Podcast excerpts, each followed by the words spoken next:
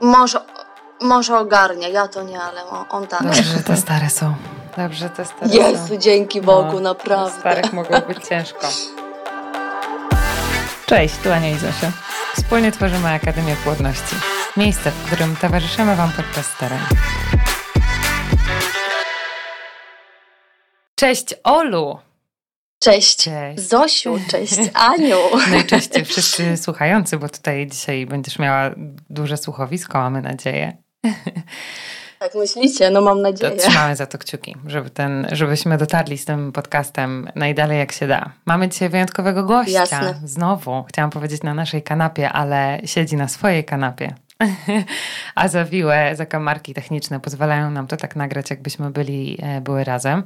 Gościmy dzisiaj w podcaście akademiowym Ole, która jest optymistką i więcej nie będę o niej mówić ja, ani Ania, tylko pozwolimy Oli powiedzieć coś o sobie samej.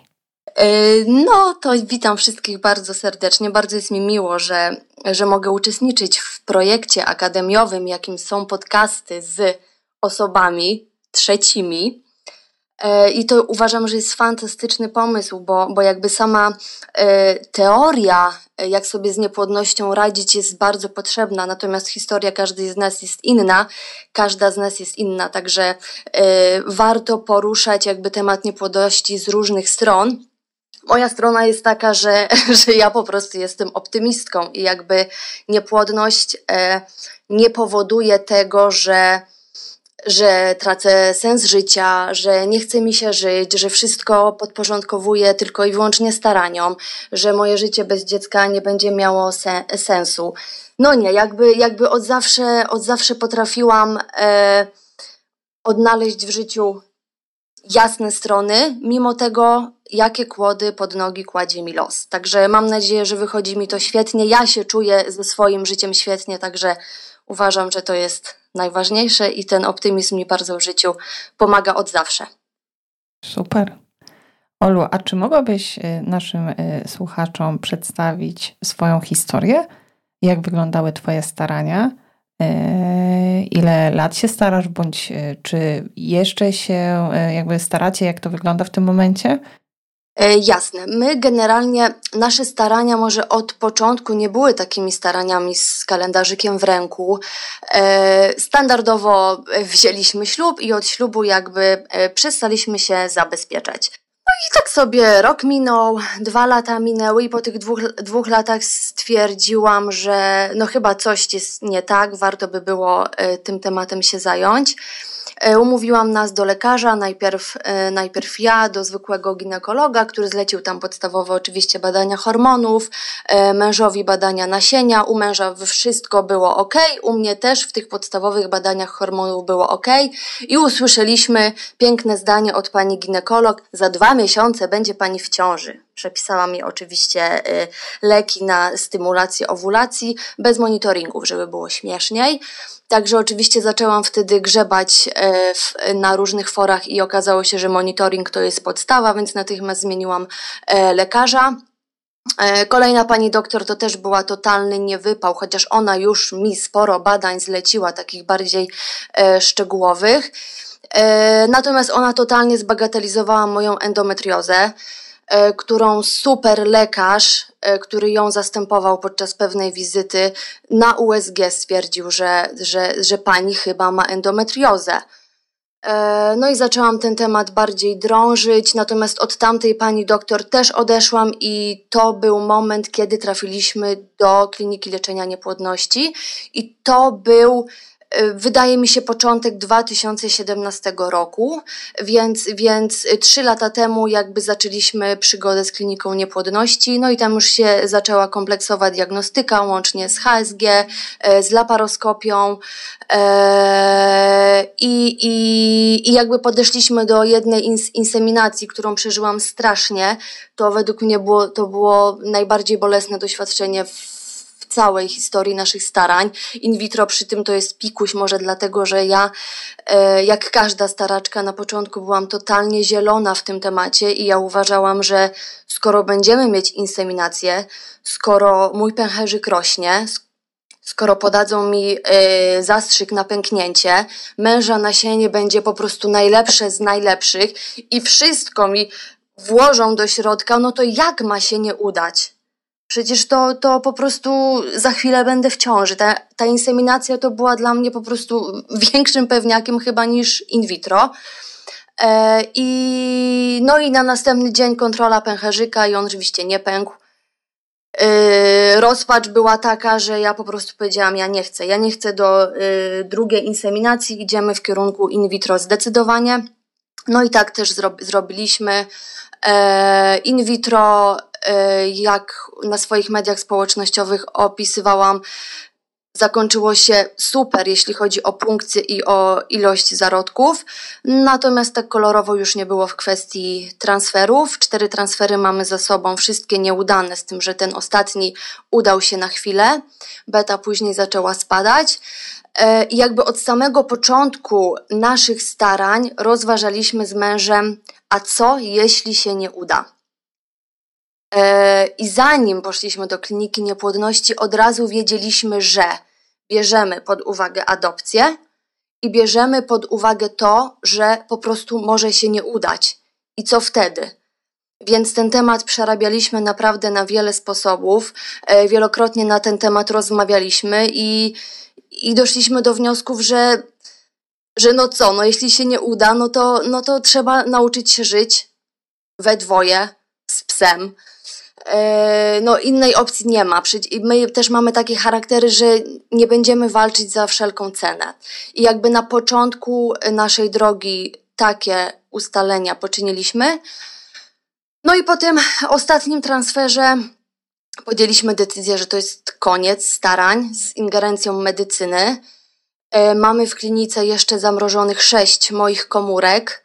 Cały czas się zastanawiamy, co z nimi zrobić, bo powiem szczerze, że nie jestem przekonana, czy, czy ja chcę jeszcze raz przechodzić przez, e, przez in vitro, e, czy chcę przeżywać te wszystkie emocje. Same wiecie, że to jest ogromny stres, ogromne wyczerpanie psychiczne, także chyba dla swojego własnego komfortu, zresztą mój mąż też po tym ostatnim transferze po, powiedział, ja już nie wyrażam zgody na to, żebyś ty tak to przeżywała, żebyś ty miała silny brzuch, żebyś ty brała tonę leków, także jakby wsparcie z jego strony mam przeogromne i, i on też na każdym kroku powtarza, że że ja jestem szczęśliwy z tobą. Niezależnie od tego, czy ty mi to dziecko dasz, czy my to dziecko będziemy mieli, czy go nie będziemy mieli, jest dobrze tak, jak jest. I, i, i nic tutaj się nie, nie zmieni, no przynajmniej na razie. Yy, także yy, to na pewno były takie ustalenia początkowe, których się trzymamy. Natomiast teraz yy, jest to staranie takie Powiem Wam szczerze, że tego nawet staraniem nie można nazwać, bo ja nie patrzę w kalendarzyk, ja staram się zdrowo odżywiać yy, i na tym koniec. Nic więcej tutaj, żadnych leków. Yy, także absolutnie yy, wizyty u lekarza od niepłodności też nie wchodzą w grę. Także nasze starania aktualnie wyglądają totalnie na luzie.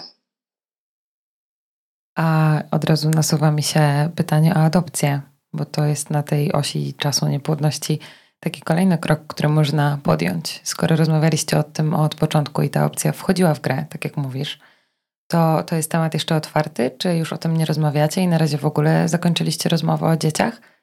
Czy to jeszcze może wrócić? Na ten moment adopcja jest tematem zamkniętym, tak samo jak na ten moment tematem zamkniętym jest e, in vitro aczkolwiek już też nauczona doświadczeniem wiem, żeby nigdy nie mówić nigdy, bo to życie jednak y, różne scenariusze pisze. Natomiast jeśli chodzi o adopcję, sprawa wygląda następująco. My w, grudniu 2019 y, Byliśmy w ośrodku adopcyjnym na takim spotkaniu informacyjnym. Y, pani nam przedstawiła, jakie dokumenty są niezbędne, aby o tę adopcję się y, starać, jak w ogóle proces adopcyjny wygląda. Jakby sam proces wiadomo, że troszeczkę nas przeraża, natomiast dużo bardziej przerażało mnie to, że mm, mogłoby do nas trafić dziecko, które ja w, jakiś, w jakimś stopniu mogę znać, ponieważ ja jestem pracownikiem socjalnym. Ja na co dzień pracuję z rodzinami, które e, są dysfunkcyjne, patologiczne, którym dzieci są odbierane. E, I zgłaszając się do ośrodka adopcyjnego w moim mieście, ja dostałabym dziecko, które z tego miasta jest. Więc ja sobie tej sytuacji nie wyobrażam, a też z mężem jakby mm, doszliśmy do wniosku, że że nie chcemy próbować w innych ośrodkach adopcyjnych. Być może z lenistwa, być może z, z, innych powodów, jak y, szkoda nam czasu na jeżdżenie, nie wiem, do Warszawy, do Krakowa i tak dalej. Więc jakby w, w grę wchodziło tylko nasze miasto. Natomiast strach przed tym, że ja mogłabym na ulicy, idąc już z naszym dzieckiem, spotkać matkę naszego dziecka, jest tak ogromny, że ja po prostu nie mogę tego przeskoczyć. E, myśmy po tym grudniowym spotkaniu zaczęli załatwiać wszystkie formalności i my wszystkie dokumenty, oprócz dwóch rzeczy, mamy skompletowane. Mamy opinie od pracodawców, e, mamy zaświadczenia o zarobkach, tych papierów jest mnóstwo. My to wszystko zrobiliśmy w przeciągu trzech tygodni, tak bardzo byliśmy jakby na tą adopcję e, nastawieni. E, odpis zupełny aktu małżeństwa, no totalnie wszystko jest e, skompletowane i, i jakby w lutym polecieliśmy na urlop i, i na tym ur, urlopie tak zaczęliśmy na ten temat e, rozmawiać i doszliśmy do wniosku, że, że nie będziemy robić niczego na siłę że skoro mamy w głowie jakąkolwiek wątpliwość, to tą wątpliwość najpierw trzeba przepracować, a nie podejmować pochopne decyzje, bo umówmy się, dziecko nie może być pochopną decyzją. Y, dziecko to nie jest zabawka, adopcja dziecka to jest w ogóle bardzo skomplikowany proces. Emocjonalnie mam kontakt z dziewczynami, które aktualnie przechodzą proces adopcyjny i moje odczucia są takie, że emocje towarzyszące przy in vitro to jest pikuś w porównaniu z tym, co przeżywają dziewczyny na y, pary na kursach adopcyjnych. Także na ten moment temat y, adopcji jest zamknięty, tak samo jak temat in vitro. Anna, nie chcesz ani zapytać, tak? Ja mam Nie, dalej. wiesz, zastanawiam się, bo w ogóle jesteśmy tutaj, Olu, zaszczycone, że zechciałaś wziąć udział w naszym podcaście i zechciałaś się podzielić tym niezwykle mądrym wstępem, mm, który ja takie mam teraz e, myśli, że nie słyszy się często. Jakby osoba, która, jak opowiadałaś o swoich staraniach, e, pomyślałam sobie o tym, że po wielu latach, ja kiedy doszłam do momentu, ok, może się nie udać, budowałam siebie na ruinach wszystkiego, mojego życia, mojego związku. I, I zastanawiam się teraz, Olu, czy w Twoim przypadku jest dokładnie tak samo? Czy ta niepłodność odebrała Ci Twoje życie, tak jak ja się z tym spotkałam? U siebie, czy też u innych osób, z którymi dane mi, których dane mi było poznać?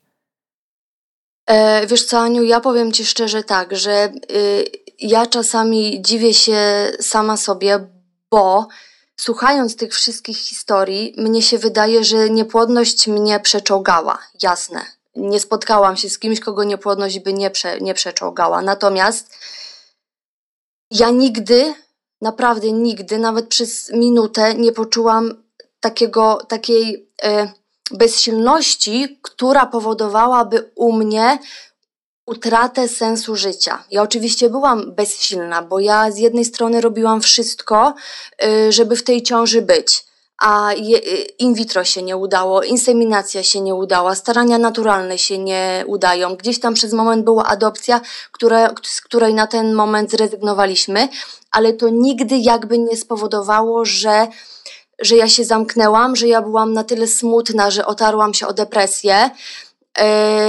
Pod, Myślę, że to jest kwestia charakteru. Myśmy z mężem się dobrali, my jesteśmy oboje mocnymi charakterami, mimo tego, że ja jestem introwertykiem. Natomiast e, jeśli się otworzę, to jakby nie mam absolutnie żadnego problemu, żeby mówić o tematach trudnych, żeby dzielić się tą moją, nazwijmy to, filozofią życia, bo wiele osób z niej czerpie dużo dobrego i tak jak y, ciągle się słyszy walcz do końca, musisz zrobić wszystko, kiedyś się uda, a czy za osoby, które starają się o dziecko, zadają sobie pytanie, a co jeśli się nie uda? Możesz zrobić wszystko, naprawdę wszystko i co jeśli się nie uda? Przecież nie ma takiej gwarancji, że każda z nas będzie mamą. Ja już statystyki znam na pamięć, 3% populacji świata y, nigdy nie będzie rodzicami. Y, I się wydaje, co to jest 3%? 3% w skali świata to jest ogromna liczba osób, ogromna liczba par, które nigdy nie zostaną rodzicami. I jakby im szybciej sobie to uświadomimy, że to nie jest takie oczywiste, że nam się uda, tym jakby łatwiej nam będzie zrozumieć to, że, że to życie niekoniecznie może się ułożyć tak, jak my tego chcemy, ale jeśli nie ułoży się tak, jak my tego chcemy, możemy pokierować nim tak, żeby nadal być szczęśliwym, bo ja ciągle to podkreślam, że szczęście nie jedno ma imię. I o ile dziecko wydaje mi się, że dałoby mi po prostu przeogromne szczęście, o tyle wiem, że ja bez tego dziecka też będę szczęśliwa, bo ja mam wspaniałego męża, ja mam wspaniałych przyjaciół, ja mam wspaniałe dziewczyny, które poznałam tutaj dzięki inst Instagramowi, więc jakby jest mnóstwo korzyści, które ja mam i ja te wszystkie aspekty doceniam, jestem za nie ogromnie wdzięczna. E, i myślę, że to moje podejście do tej niepłodności to jest naprawdę w 90% to jest mój charakter, i, i wsparcie od męża. Także, także myślę, że, że nigdy nie dosięgnęłam tego takiego kompletnego dna, kiedy myślałam, że za chwilę moje małżeństwo się rozpadnie. Nie, my nigdy nie byliśmy na takim etapie przez, przez, przez te kilka lat, że, że mi przez myśl przeszło, że yy, mąż mnie zostawi, bo, bo yy, to moja wina bo to ja jestem niepłodna, a nie on, bo u niego jest wszystko w porządku. Nie, ta niepłodność od początku była na, nasza. Ja od początku miałam poczucie, że, mm, że jeśli nie będziemy mieli dziecka, to nic się nie zmieni. Nasze życie jest fajne bez dziecka i będziemy kontynuować je, tak? Więc, więc nie wiem, będziemy sobie podróżować, będziemy sobie chodzić do kina, do restauracji. Nic się nie, nie zmieni, więc jakby płakać za czymś, czego się nie doświadczyło, to jest też tak, jak człowiek sobie tak pomyśli, to, to, to jakby za czym płaczesz? Za tym, czego nie ma, a tracisz po drodze wszystko to, co masz, bo umówmy się, mnóstwo dziewczyn straciło małżeństwa, e, mnóstwo dziewczyn straciło przyjaciół, bo ja na początku niepłodności też się tak troszeczkę w sobie zamknęłam. E, jakby na początku się wstydziłam, e, no bo to jest taki jednak temat, no jak to, no wyszłaś za mąż, mija rok, dwa, trzy i, i nie macie dziecka, więc, ale później zaczęłam, gdy, gdy pojawiały się jakieś pytania, zaczęłam otwarcie o tym mówić i ja dostałam ogrom zrozumienia i wsparcia, nie tyle od najbliższych, od koleżanek z pracy, bo ja nie mam, nie mam zupełnie problemu o tym, żeby, żeby o tym mówić. Także mój charakter plus wsparcie wszystkich, których mam wokół siebie, to jest w moim przypadku y, gwarancja sukcesu, y, żeby wyjść obronną ręką y, z, z tej walki. Ola, to brzmi, y, ja nie wiem, czy słuchacze mają takie wrażenie jak ja, ale to brzmi dla mnie jak taka, wspaniale mi się tego słucha, ale to brzmi jak egzotyka. W sensie, wiesz, ty mówisz tak mądre rzeczy, do których ja na przykład dochodziłam na terapii miesiącami. To, że na przykład, y, żeby zastanowić się nad tym, może tymi trzema procentami właśnie, że ten scenariusz że może ja jestem w tych 3%, a nie chcę zupełnie otworzyć ani swojej głowy, ani swojego serca, tylko po prostu lecę na tym ostatnim oddechu, który nie wiem jeszcze ile ma dla mnie tego tlenu. Czy ja za chwilę padnę i z tym, z tym moim ostatnim padnięciem padnie moje małżeństwo, moja rodzina, moi znajomi. Co zabiorę jeszcze ze sobą w tej walce? Ale nie chciałam zobaczyć tego. Wiecie, że to jest takie jak przyszłam na terapię, usłyszałam, że ta kobieta, bardzo mądra później, jak się okazało, terapeutka ma dla mnie taki przepis, że postaramy sobie wyobrazić i oswoić świat z życiem bez dzieci. To ja sobie myślałam, what the fuck, w ogóle co ja tutaj robię? Do widzenia wychodzę, to nie po to przyszłam, nie? a później się okazało, że to ma naprawdę e, głębsze, e, głębszy sens i trzeba głębiej na to spojrzeć, ale tak jak mówię, mnie to zajęło naprawdę miesiące pracy, a ty to mówisz i jak cię słucham, to oprócz tego, że się uśmiecham i myślę sobie, Boże, jaka ty jesteś mądra i jak wiele pracy w tym słychać, to yy, chciałabym poznać odpowiedź na pytanie, jak? Bo ty mówisz, że 90% to twój charakter, no i nie bardzo sobie wyobrażam, jak mogłabym to odtworzyć kalką u mnie czy u innych niepłodnych. Na zasadzie, wiesz, no charakteru nie zmienimy. Ale czy jestem w stanie zrobić coś, żeby być w sobie bardziej optymistką i widzieć to, co dała mi niepłodność? Yy, mogę coś zrobić? Nie wiem. Nie wiem, Zosia. To jest, to jest trudne pytanie, bo, bo jakby dla mnie odpowiedź jest oczywista, tak. Bo ja teraz sobie z wami rozmawiam, patrzę za okno i e, widzę e, liście na drzewie, które się robią żółte i jakby po prostu cała moja dusza się cieszy, całe moje serce się cieszy. Może to brzmi bardzo trywialnie i y, dziecinnie, natomiast naprawdę od zawsze w życiu cieszy mnie wszystko budują mi bloki za oknem. Ja miałam przepiękny widok na las i my z mężem tak sobie stoimy w oknie i mówimy: Słuchaj, zobacz, jak my teraz mamy widno w tym mieszkaniu. Te drzewa nam wszystko zasłaniały, teraz jest o wiele lepiej.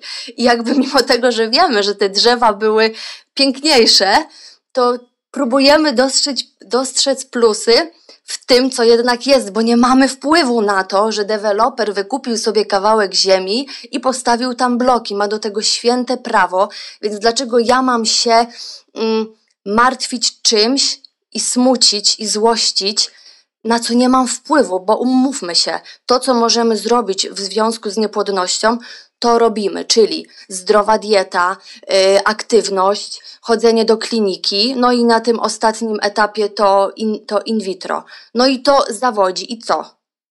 No i co? No i, no, no i nic ci nie pomogło. I co teraz? Masz, że tak powiem nieładnie, rzucić się pod pociąg?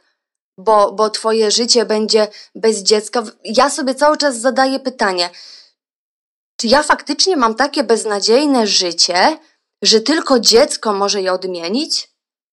Przecież, przecież naprawdę, ja wstaję każdego ra ranka, yy, nie wiem, widzę mojego męża, yy, idę do pracy, w której mam wspaniałe koleżanki, potem idę sobie z przyjaciółką do kina albo na piwo. Yy, mój pies, który po prostu jak wracam z pracy, to się cieszy na mój widok tak jak nikt inny. Y, wszystkie te małe rzeczy jakby powodują, że moje życie jest naprawdę fajne. Ja jestem w moim życiu szczęśliwa dziecko uszczęśliwiłoby mnie w innym totalnie aspekcie. Ale tak jak mówię, szczęście nie jedno ma wymiar, nie, nie jeden ma wymiar i, yy, i jakby ja jestem szczęśliwa z tego, co mam, a jeśli to dziecko się pojawi, będę też szczęśliwa, tylko dojdzie zupełnie inny wymiar, zupełnie obcy, zupełnie nie, nieznany, bo jakby nie wiem, czy to dziecko mnie uszczęśliwi. Wydaje mi się, że tak ale ja nigdy nie byłam mamą, ja nigdy y, nie wychowałam żadnego dziecka, więc nie wiem, czy, czy ja się w tej roli sprawdzę. Ja tego bardzo chcę, ale, ale czy ja będę dobrą mamą, czy, czy to dziecko mnie tak naprawdę uszczęśliwi? Tym, tym bardziej słuchajcie, że ja mam przyjaciółkę, która, y, która ma dwoje dzieci. Jak ja do niej jeżdżę, jak ja od niej wracam, to ja jestem pewna, ja dzieci nie chcę mieć. Ona jest tak przetyrana, ona jest tak smutna, ona jest tak zmę zmęczona, że mi jest po prostu jej tak szkoda, że, że po prostu jest mi brak słów na to i jest mi jej tak żal, że, że ona straciła całe swoje życie. Ona, stra ona straciła wszystko, ma wszystko, bo, bo, bo jakby w mojej ocenie dziecko to jest wszystko. To jest największe szczęście i w ogóle coś, do czego przecież dążę latami, skoro chodzę do kliniki, e, poddałam się in vitro i tak dalej, i tak dalej. O żadne marzenie tak bardzo nie, nie walczyłam jak y, o dziecko. Y, ale jak sobie pomyślę, że to dziecko mogłoby mi zabrać to, co ja mam teraz, ja oczywiście pewnie dałabym radę to pogodzić, bo nie widzę innej opcji, ale są kobiety, które nie ogarniają. Nie ogarniają macierzyństwa, mimo tego, że go pragną, więc jakby nie wiem, ja od zawsze jakby miałam bardzo szeroką perspektywę na, na wszystko. Dla mnie nic nigdy nie było czarno-białe, e, tylko rozważałam mnóstwo opcji, mnóstwo perspektyw, e, widziałam plusy i minusy danej sytuacji, nawet tej, która uważałam, że potencjalnie da mi tylko radość. To jednak jak głębiej w to weszłam, to okazało się, że kurczę, to jednak może mi dużo więcej zabrać, niż wydawało mi się, że, że mi da, tak? Także nie wiem, nie wiem z czego to wynika, yy, że, że to moje nastawienie do życia takie jest. Nigdy na tym nie, pra nie pracowałam, nigdy nie byłam na żadnej terapii. Natomiast z, z kolei wielokrotnie słyszałam od wielu ludzi, którzy z terapiami yy, mieli coś wspólnego, zarówno z pacjentami, jak i z yy, psychologami, że, że ja jestem taką jakby terapeutką sama dla siebie. I ja zaczęłam te słowa też analizować i powiem Wam szczerze, że coś w tym jest, że ja się w tym zgadzam, że ja potrafię każdą sytuację w głowie sobie tak pou poukładać, że jakby następnego dnia się podnoszę i, i znowu te liście na drzewie mnie zachwycają. Także no po prostu taka się urodziłam, no co ja na to poradzę. Kurczę, Olu, yy, tak sobie myślę, że masz ogromne szczęście patrzeć na, znaczy tak doświadczać życia w ten swój własny sposób, z którym się urodziłaś. E, I ja tak sobie myślę, dziewczyny, że to jest e, spojrzenie Oli, to jest pewna filozofia. I ja po odsłuchaniu takiego podcastu e, pomyślałam sobie i super by było się zastanowić, wziąć coś dla siebie, bo zdajemy sobie sprawę z tego, że nie każdy patrzy tak na starania i zdecydowana większość, i nie bójmy się tego powiedzieć, patrzy zupełnie inaczej. Chociaż idealnym, w idealnym świecie byłoby y, być y, w świecie Oli, y, patrzeć na te swoje małe rzeczy, które są wokół nas. Nawet jeżeli ten świat nie wygląda w różowych barwach i te liście są jesienią bardziej przyplakłe, to to spojrzeć na te malutkie rzeczy, bo można wiele stracić w momencie, w którym ta wielka przyjdzie. Zdecydowanie. Bądź nie, oczywiście, ale wiecie, można stracić kawałek życia. E, ja tak sobie teraz um, myślałam ostatnio o mojej znajomej dobrej, której starania z kolei o drugie dziecko zajęły prawie 10 lat. I Miała takie momenty w swoim życiu, w którym bardzo cierpiała w związku z tym, że nie udawało się, a bardzo pragnęła mieć y, większą rodzinę. Y, I w końcu zdarzył się ten cud. I słuchajcie, i wtedy taka właśnie przyszła mi myśl, co by było, gdyby się nigdy nie udało? Ona by mogła stracić najpiękniejsze życia ze swoim mężem, y, najpiękniejsze życia młodości, najpiękniejsze w związku z tym, że była mamą, ale zatracić to, co tak naprawdę walczyła za drugim razem. By być tu i teraz, ze wszystkim tym, co serwuje nam to życie. Tak, bo wiecie, dziewczyny, bo jakby umówmy się, nasze, nasz wiek, w momencie, kiedy my się staramy o dziecko, to to nie jest 50 lat, tylko to są najlepsze lata naszego życia. My jesteśmy dorosłe, my jesteśmy świadome, my jesteśmy niezależne.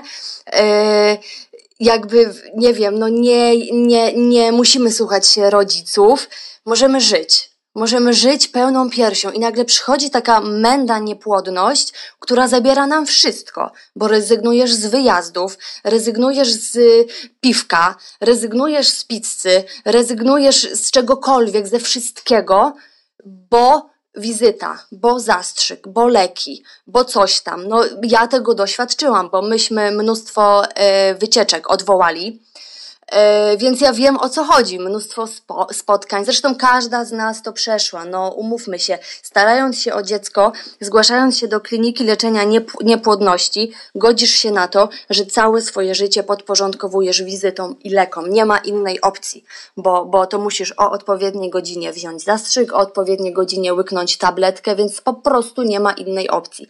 Natomiast jeśli chodzi o tą moją filozofię życia, to ja doskonale zdaję sobie z tego sprawę, że wiele osób, które teraz słucha y, tego podcastu, myśli sobie, co za idiotka, co ona w ogóle gada. Jak można się cieszyć z listka?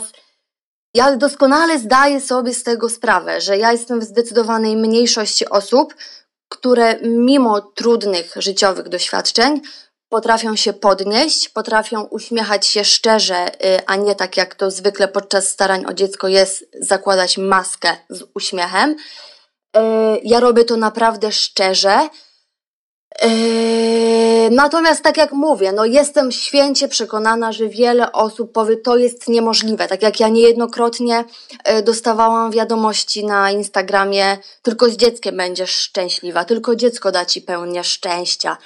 Moja odpowiedź brzmiała, słuchaj, nie mierz wszystkich swoją miarą. Jeśli tobie dziecko da tylko, jeśli tobie tylko i wyłącznie dziecko da szczęście, już tej dziewczynie tego tak nie napisałam, ale tak sobie myślę, to ja ci współczuję.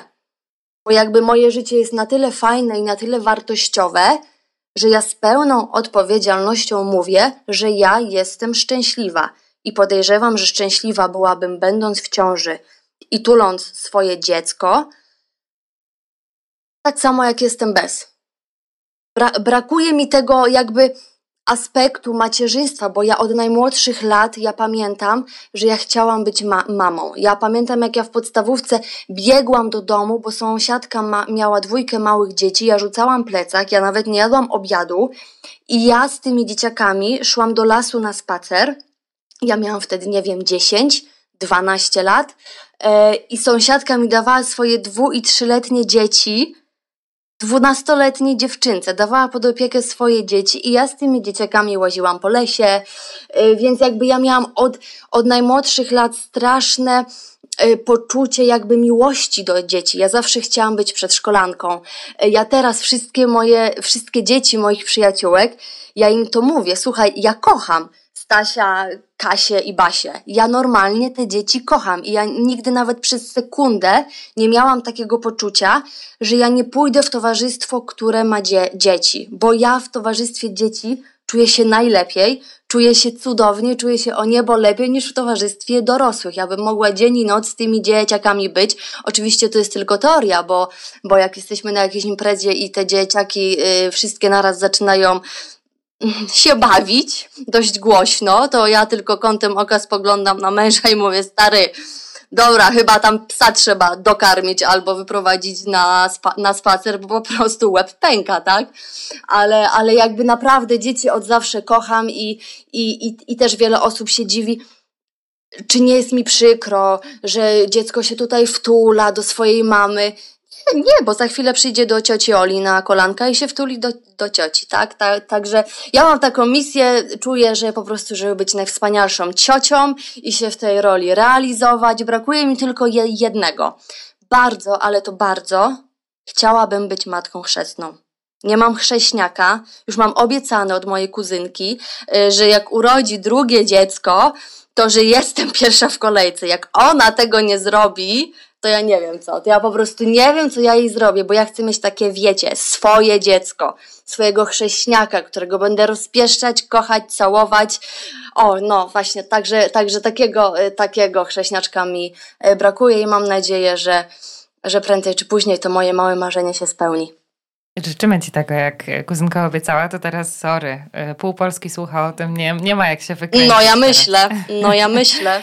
E, słuchajcie dziewczyny, bo jak tutaj was e, słucham, powoli w ogóle musimy dobijać do brzegu. Ja wiedziałam, że ta rozmowa będzie super, ja to czułam, ale musimy się troszkę trzymać w ryzach czasowych i ja jak zwykle jestem tym katem, który będzie je odcinał. Ale słuchając tego, co mówisz ty, Olu, słuchając tego, co mówi Ania, szczególnie o tej twojej znajomej, która walczyła o drugie dziecko 10 lat, pojawia mi się takie pytanie w głowie, na które chciałabym, żebyśmy sobie wspólnie postarały odpowiedzieć. Kiedy uważacie, że jest ten moment, mm, kiedy trzeba powiedzieć, y, że dość? Że doszliśmy w tych staraniach do takiego momentu, że one nam więcej zabierają niż dają. I chociaż wiemy, co może czekać na końcu tej drogi, to trzeba skupić się jednak na afirmowaniu życia, które jest w tym momencie, a nie na dążeniu do życia, którego nie ma. Wiecie, pytam o tym w kontekście Mm, tego, co na przykład Olu powiedziałaś, że za tym in vitro e, nie czekało nic, no i co masz zrobić, czy rzucić się pod pociąg? Użyłaś jakiegoś takiego określenia dość mocnego. E, I z jednej strony tak, rzeczywiście, to widzę tam w tym dużo mądrości, a z drugiej zastanawiam się, co mam powiedzieć tej drugiej połowie mojej głowy, która mówi, no ale zobacz Zosia, może za tym drugim in vitro, jak jeszcze zepniesz na chwilę te pośladki, może czeka zwycięstwo. Nigdy nie wiesz, bo za tym drugim in vitro może się pojawić trzecie, czwarte, dziesiąte i może trwać właśnie 10 lat, które poświęciłaś tylko na starania. Ale kiedy mam postawić tą kropkę, granicę? Kiedy powiedzieć, że dobra, słuchajcie, chyba trzeba odpuścić, nie? Że, że to zabrnęło za daleko. No, ja nie odpowiem na to pytanie, bo to absolutnie każda z nas jest inna. I to, że my teraz powiedzieliśmy dość, to nie znaczy, że to jest dość yy, takie już absolutne, ostateczne i, i już nigdy wie, więcej. Nie, nie. To jest dość na teraz. To jest dość takie stanowcze, przemyślane, yy, że odpoczywamy. Jest dobrze tak, jak jest nie wiem też, jakby było, widzisz, bo to wszystko zależy od tego, w jakiej sytuacji jesteśmy. Ja nie wiem, jakby było, gdybyśmy my nie mieli na przykład tych sześciu komórek zamrożonych. A te komórki w tej klinice niepłodności na nas tam czekają. Ja od początku e, mówiłam, że do drugiej procedury nie podejdziemy. Ale co by było, gdybym e, ja podczas pierwszej punkcji zamiast 24 pobranych komórek miała pobrane 4 i żadna z nich by się nie zapłodniła? No przecież to jest oczywiste, że podeszłabym do drugiej. Ale w związku z tym, że wynik mojej punkcji był świetny, nie dość, że y, wiele komórek zostawiłam dla nas, to jeszcze sporo oddałam y, dla innych ko kobiet, więc, y, więc ja jestem w takiej komfortowej sytuacji, że ja sobie mogę powiedzieć, ja do drugiego in vitro nie podejdę bo mam ten zapas, tak? Ale, ale jestem przekonana, że, że, że moje stanowisko byłoby zupełnie inne, gdybym, gdybym tych komórek nie, nie miała. E, byłoby zupełnie inne, gdyby y, moje zarodki nie przetrwały rozmrażania. Także to nie ma, nie ma jednej odpowiedzi na pytanie, kiedy powiedzieć sobie dość. Każdy z nas powinien to zrobić w zgodzie ze sobą i ja uważam, że takie powiedzenie dość nigdy nie jest ostateczne bo za chwilę ten czas, kiedy poświęcasz dla siebie, e, dla rodziny, dla przyjaciół, dla, dla męża, może dać ci taki komfort psychiczny, taki spokój i takie zdro zdrowie, że ty powiesz: Ej, ja mam teraz siłę i ja chcę spróbować jeszcze raz. Dlatego to powiedzenie sobie dość, to nie, to, to nie jest tylko w takim sensie, że dość i koniec. Nie, bo to może mieć zupełnie inny obrót i, i ty możesz jakby nabrać yy, przez ten czas odpoczynku mega siły i ochoty do dalszej walki. I to jest super. Tylko, tylko musisz każdą decyzję podjąć yy, w zgodzie ze sobą. To nie może być yy, słuchanie, y, musisz walczyć, odpuść, pojedź na wakacje. Nie. Musisz być na tyle jakby y, niezależnym umysłem, że jakby te głosy dochodzące do ciebie z zewnątrz, żeby jak najbardziej ignorować, tak? Bo, bo te głosy dochodzą i one dochodziły i będą dochodzić. Natomiast niech to dość nie będzie takim dość ostatecznym. I to jest taka, taka moja, nie wiem, czy rada, czy, czy mój punkt widzenia, o, że to dość nigdy nie jest dość ostatecznym, bo to, że ja teraz powiedziałam dość, nie znaczy, że ja po te komórki za dwa czy trzy lata nie, wr nie wrócę i masz ten komfort. Ja też od razu sobie o tym myślę, że jak mamy szukać tych plusów, to jak widzę te zamrożone komórki, to widzę też zamrożony zegar. W sensie, że on nie tyka gdzieś tam w głowie, tylko Dokładnie. one są zamrożone te x lat temu i one się nie starzeją. W sensie, ja mogę teraz sobie dać ten czas na to, żeby podróżować, bo ten zegar jest zamrożony bo mam ten komfort, nie? To prawda. No, to tak, tak jak mamy szukać tak, małych tak. plusików, to właśnie chciałam się pochwalić, że znalazłam kolejne. Super, dzięki Zosin, bo na to tak nie spojrzałam. Ale faktycznie masz rację. Olu, mm, będziemy zmierzać. Jest, wreszcie nie ja. Cudownie, dziękuję Aniu, że mnie z tego Bardzo mi przykro. To jest strasznie smutne. Mi też. Mam, takie, mam taki niedosyt. Tu jest bardzo dużo myśli, tak, bo to można by było rozmawiać, tak, bo o tych emocjach i o tym jakby ja też mam poczucie, że że to moje podejście do tej niepłodności bardzo dużo daje innym. I jakbym też, y, ja mam takie poczucie, że mogłabym o tym gadać i gadać i gadać i gadać i pisać i pisać. Też był, jeszcze dodam y, szybko, że jakiś czas temu u siebie na Instagramie napisałam taki post, że jakby nie chcę być postrzegana przez pryzmat niepłodności, że teraz będę optymistką Olą, a nie niepłodną optymistką e, i będę robiła to, co lubię, czyli czytała książki, podróżowała, e, stroiła się, tra la la la la la i tak dalej, i tak dalej. E, natomiast widząc, jaka jest potrzeba ciągłego przerabiania tematu, ja nie chcę być może postrzegana przez pryzmat niepłodności, ale wiem, że dużo mogę dać innym, pisząc otwarcie o emocjach i o swojej drodze, więc, więc ten mój Instagram jest taka, to, to, to, to jest taka jedna wielka sinusoida, bo raz jest o książkach, raz jest o, o staraniach, ale jakby y, widzę w tym sens i myślę, że tak długo jak będę miała siłę i ochotę, będę to robiła, y, bo mogę po prostu innym pomóc. Olu, dziękujemy Ci bardzo za, za Twoje myśli, bardzo intymne. Dziękujemy, że zechciałaś się podzielić tym wszystkim. Mamy nadzieję, że osoby, które są tutaj z nami teraz, yy, znajdą coś dla siebie, przemyślą. Może coś udało nam się zasiać dzięki tej rozmowie w głowie yy, osób starających się o dziecko.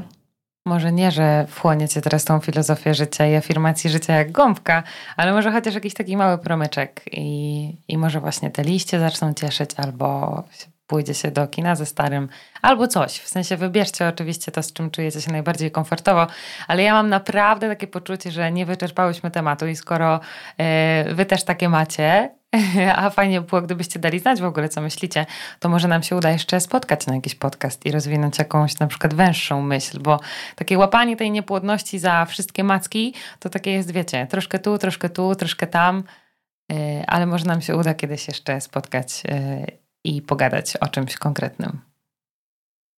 Ja jestem gotowa, także czekam na y, super odzew i możemy się umawiać. jest super odzew, takie. Także wszystko leży w waszych rękach. To koniecznie, no bez super odzewu przecież nie będziemy gadać o bzdurach, jakim jest super ekstra moja filozofia życia, kiedy ona będzie miała kiepski odbiór. No Halo, hello. ludzie, teraz wszystko w waszych rękach. Tak to wygląda. Olu, dziękujemy ci bardzo. Życzymy ci dużo takich promyków, chociaż ty potrafisz dostrzec, mam wrażenie, takie nawet e, najmniejsze, ale żeby to się nie zmieniło, żeby cię cieszyło, no może niekoniecznie rosnące bloki za oknem, ale żebyś oh, potrafiła no wciąż cóż. znajdować radość w takich małych rzeczach. A dużo się możemy od ciebie nauczyć, wszyscy i ci, którzy są po tej drugiej stronie niepłodności również, bo afirmować życie trzeba cały czas. Przemiłego, przemiłego tygodnia. Bardzo Wam dziękuję, dziękuję dziewczyny. To była dla mnie przyjemność móc się podzielić moimi przemyśleniami. Dzięki wielkie. Dziękujemy Ci, Olu. Dzięki. Miejcie się dobrze w tym tygodniu, a my słyszymy się za tydzień. Pa!